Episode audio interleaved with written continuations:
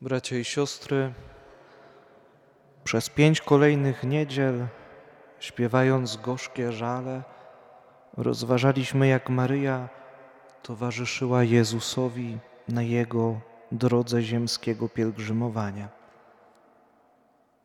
I dziś te nasze rozważania dobiegają końca. W dzisiejszym rozważaniu chcemy zatrzymać się nad wydarzeniem złożenia ciała Pana Jezusa do grobu. W drugim roku swej działalności nauczycielskiej szedł Jezus w towarzystwie apostołów i wielkiej rzeszy do miasta Nain. I w bramie miejskiej spotkał orszak pogrzebowy. Oto wynoszono zwłoki młodzieńca, jedynego syna biednej wdowy. I wielka rzesza ludzi z miasta oddawała tą ostatnią ziemską przysługę zmarłemu, współczując zarazem strapionej matce. Ujrzawszy ją Pan Jezus, ulitował się nad nią i rzekł: Nie płacz. Następnie dotknąwszy się Maru, rzekł: Młodzieńcze, Tobie mówię, wstań. I usiadł ten, który był umarły, i zaczął z nimi rozmawiać. A Pan Jezus oddał go uradowanej matce. Tak mógł uczynić On, Pan życia i śmierci, nasza nadzieja życia wiecznego. I dziś w duchu patrzymy na inny orszak pogrzebowy. Ciało Jezusa zdjęte z krzyża i złożone na chwilę w ręce Matki Najświętszej, namaszczone i owinięte w płótno, niosą do grobu wykutego w skale. Co za dziwny pogrzeb. Takiego pogrzebu nigdy nie było i nigdy więcej nie będzie. Ludzie niosą Boga umarłego do grobu. Ten, który innych wskrzeszał, sam jest niesiony martwy do grobu, a za martwym ciałem idzie w bólu pogrążona matka i nie ma kto by jej pocieszył, nie ma jej kto powiedzieć nie płacz. Czemu Jezus nie pocieszył jej w tym nieutulonym smutku? Czyżby bardziej kochał matkę tego zmarłego młodzieńca niż swoją matkę? Na pewno nie. Przyjdzie czas, że ją pocieszy, ale teraz ona razem z nim ma dopełnić wszystkich bólów i poniżeń aż do grobu aby się wypełniło to, co zaplanował Bóg. Pocieszać Matkę Najświętszą w jej nieopisanym smutku mają jej ziemskie dzieci. Tak więc przyłączmy się dziś w duchu do tego orszaku pogrzebowego Jezusa i naszym rozważaniem starajmy się pocieszyć zbolałą Matkę. Nikodem, Józef, Jan, Maryja i inne niewiasty postępowały krok za krokiem za tym orszakiem. Nic im nie przeszkadzało, bo tłum ludzi już się rozszedł. Głęboka cisza zapanowała wokoło, jak i w sercach uczestników tego pogrzebu. Orszak odszedłszy od krzyża, wkrótce stanął u wejścia do grobu położonego w ogrodzie. I miała się teraz dokonać dziwna i niepojęta sprawa. Ciało Jezusa, Boga, człowieka, Stwórcy Wszechrzeczy, miało spocząć w zimnej pieczarze grobu, tak jak inne zwłoki ludzkie. Co za niepojęta miłość Boga. wyniszczająca się aż do tego stopnia. I nadeszła chwila ostatniej rozłąki z Panem Jezusem, bo już głaz zimny wzięli do rąk, aby go zatoczyć na grób. O straszna rozłąko, o boleści serca matczynego. Nieraz byliśmy świadkami bólu i płaczu na cmentarzu, gdy wpuszczano do grobu trumnę i zasypywano ją ziemią. Ile wtedy jest łez i bólu. Zdarzają się nieraz pożegnania przy grobie mrożące krew w żyłach, wstrząsające do głębi każdego człowieka.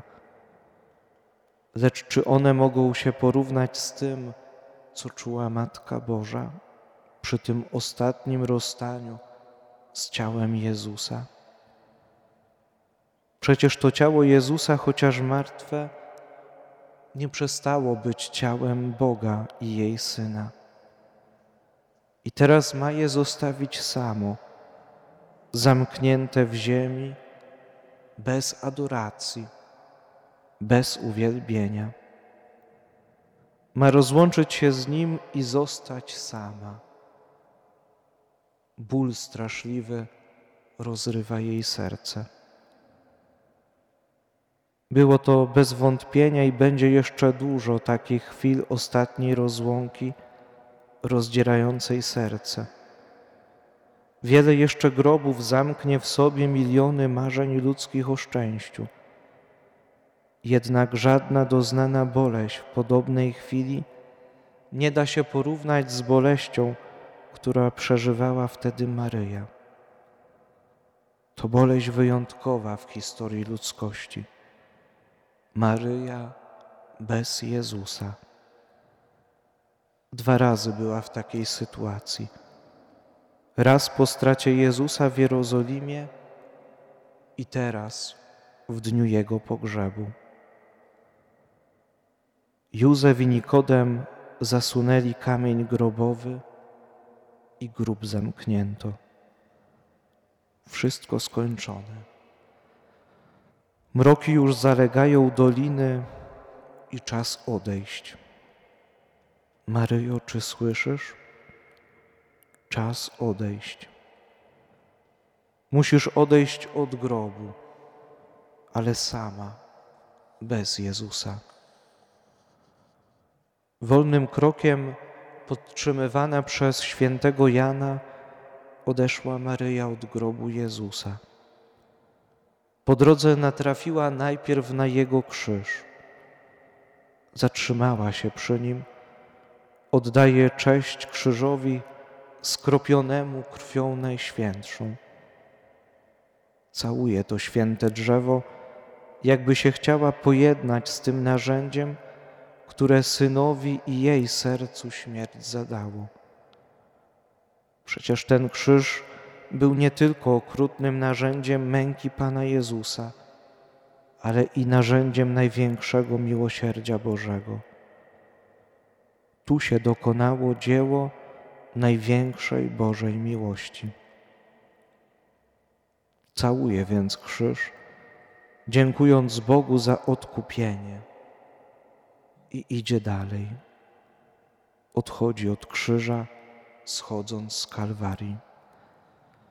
Wzrokiem ogarnia Jerozolimę.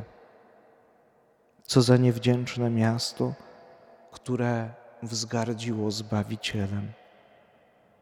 Ono miało być ośrodkiem zbawienia narodu, a stało się głuche na głos Jezusa. Ani trzęsienie ziemi nie wzruszyło go, ani cień krzyża. Nie ocknęło się z grzechów i zbrodni straszne zaślepienie, ale czy jedyne? Matka Najświętsza widzi i inne miasta późniejszych wieków i inne narody aż do dzisiaj, które w takim samym zaślepieniu odrzucają Jezusa jak Jeruzalem. I widzi poszczególne dusze, dla których daremna jest męka i krew Jezusa I tak jak Jezus zapłakał nad niewdzięcznym Jeruzalem, tak teraz i Maryja, schodząc z Golgoty po krwawych śladach Jezusa, płacze nad takimi zatwardziałymi miastami, narodami i duszami. Ona, królowa proroków, słyszy i widzi nadchodzące na nie kary Boże, jak na Jeruzalem. Widzi wzburzenie, zniszczenie i potępienie. I przypomina się jej cała droga krzyżowa, bo idzie nią tylko w odwrotnym kierunku, od ostatniej do pierwszej stacji. Przechodzi po kolei wszystkie te miejsca i żaden szczegół nie umyka jej uwadze. Idzie i zauważa. Tu Jezus upadł na ziemię. Tu wypowiedział upomnienie do matek jerozolimskich. Tu mu Weronika otarła twarz chustą. Odtąd Szymon Cyrenejczyk pomagał mu dźwigać krzyż. Tutaj spotkała Jezusa z krzyżem i do tej chwili czuje Jego spojrzenie pełne miłości. A oto i, i pałac Piłata. To tu wołano, krew Jego niech spadnie na nas. Co za bolesna pielgrzymka, która wtedy Maryja odbyła w ów wieczór. Wszystkie te przeżycia utrwaliły się w jej duszy jak na fotograficznej kliszy. Nie może o nich zapomnieć. Wszystkie miejsca męki Jezusowej łzami oblewa. W dodatku i ona sama idzie już ostatkiem swoich sił wskutek fizycznego wycieńczenia. Jest przecież tylko człowiekiem, a do tego bez snu, bez jedzenia, bez picia. Należy się jej choćby mały odpoczynek. To też zaprasza ją święty Jan do swego domu, a ona z wdzięcznością przyjmuje ofiarowane jej zaciszne schronienie. Ale czy i tu zazna wytchnienia? Czy zazna ulgi? Gdy ludzie po pogrzebie najdroższych osób przychodzą do swego domu, ogarnia ich bolesna pustka i samotność. Ta boleść bezdennej pustki i osamotnienia ogarnęła teraz Matkę Najświętszą. Powiedział Pan Jezus, gdzie jest skarb wasz, tam będzie i wasze serce. A gdzież był skarb Matki Najświętszej? W grobie go złożyła. Jezus był jedynym jej skarbem i nikt jej go nie zastąpi. W samotności i ciszy całe życie Jezusa staje jej przed oczami. Wszelkie szczegóły z Jego dzieciństwa, Jego nauka i końcowe cierpienie. Morze goryczy zalało jej duszę aż po brzegi. I Maryja bowiem, choć jako stworzenie Boże była w cierpieniu ograniczona, to jednak współcierpiąc w męce z Jezusem, z woli i mocy Bożej, przeszła wszystkie etapy bólu ludzkiego. Uczestniczyła w bólu, który jest niedostępny dla nikogo z ludzi, oprócz niej. Bo nikt z ludzi nie mógł być tak złączony ze Słowem Bożym, Słowem wcielonym, jak ona. Nikt go nie mógł tak znać i kochać, jak ona. Był to już wprawdzie ostatni jej ból, ale najsilniejszy, jakby finał w muzyce. Zakończenie w muzyce jest zwykle najdoś, najdostojniejsze, bo utrwala wrażenia. I tak samo kończy Bóg cierpienia Maryi. Tak więc w domu świętego Jana w głębokiej ciszy spędziła Maryja długie godziny aż do zmartwychwstania.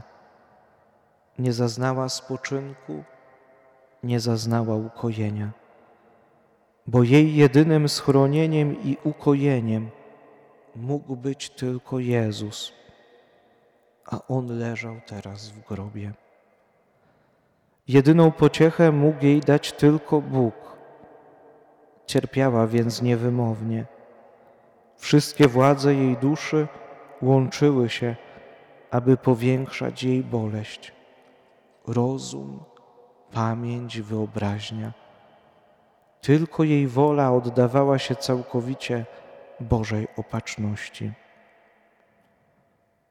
Te boleści Matki Najświętszej dają nam możliwość poznać bliżej ją samą, kim ona jest wobec Boga, kim ona jest dla nas. Cierpienia Matki Najświętszej stały się również i dla niej samej środkiem najwyższej świętości. W nich wykazywała swą najgłębszą wiarę, niezachwianą ufność Bogu oraz miłość nade wszystko, składając w ofierze Bogu wszystko, co miała najdroższego. Przez swoje boleści Maryja oderwała się całkowicie od świata, zrezygnowała ze wszystkich uciech ziemskich, jak już to piękny wzór dla nas ludzi. Tak więc cierpienia Maryi razem z Jezusem dały w jej wobec Boga niezmierzone zasługi. Dla niej stały się one źródłem najwyższej chwały w niebie, a dla nas wyniosły ją do godności naszej orędowniczki i szafarki łask Bożych. Bo to wszystko, co otrzymała od Boga, przechodzi przez jej ręce. W kaplicy Zgromadzenia Sióstr Orantek nad Warną jest rzeźba Deberta, która trafnie ujmuje to przeznaczenie Maryi. Na tej rzeźbie widzimy u szczytu Boga Ojca, poniżej Duch Święty w postaci gołębicy z rozpostartymi skrzydłami. Wreszcie Pan Jezus rozpięty na krzyżu, a u stóp krzyża na kuli ziemskiej stoi Matka Najświętsza i otwartą dłoń zbiera krew Jezusową z krzyża, a potem jej krople jak rosę rozsiewa po ziemi. Oto obraz pośredniczki łask. A zatem, gdyby jej pod krzyżem nie było, to nie mielibyśmy Matki Miłosierdzia, nie mielibyśmy ucieczki grzeszników, pocieszycielki strapionych, matki dobrej rady, matki nieustającej pomocy, wspomożycielki wiernych. Taką uczynił ją dla nas dopiero Wielki Piątek Jezus. I tę wielką prawdę ujął ktoś w literacką formę legendy, która opisuje nam, że gdy Matka Najświętsza w swym życiu cierpiała i płakała, to Pan Bóg kazał aniołom, aby każdą jej wylaną łzę zbierali w kosztowne naczynia. I zbierali aniołowie każdą łzę Maryi i zanieśli ją Panu Bogu. A wtedy Pan Bóg rozrzucił te łzy Matki Najświętszej po błękicie nieba i z nich powstała jasna smuga gwiazd poprzez sam środek nieba, którą nazywamy drogą mleczną. Patrząc w ten sposób na boleści Matki Bożej, nie trudno nam będzie wyprosić dla siebie, będzie wyprowadzić dla siebie wnioski. Dlaczego i z czym mamy się zwracać do Matki Bolesnej? Śmierć została przemieniona przez Chrystusa i dzięki Chrystusowi śmierć chrześcijańska ma sens pozytywny. Dla mnie bowiem żyć to Chrystus, a umrzeć to zysk.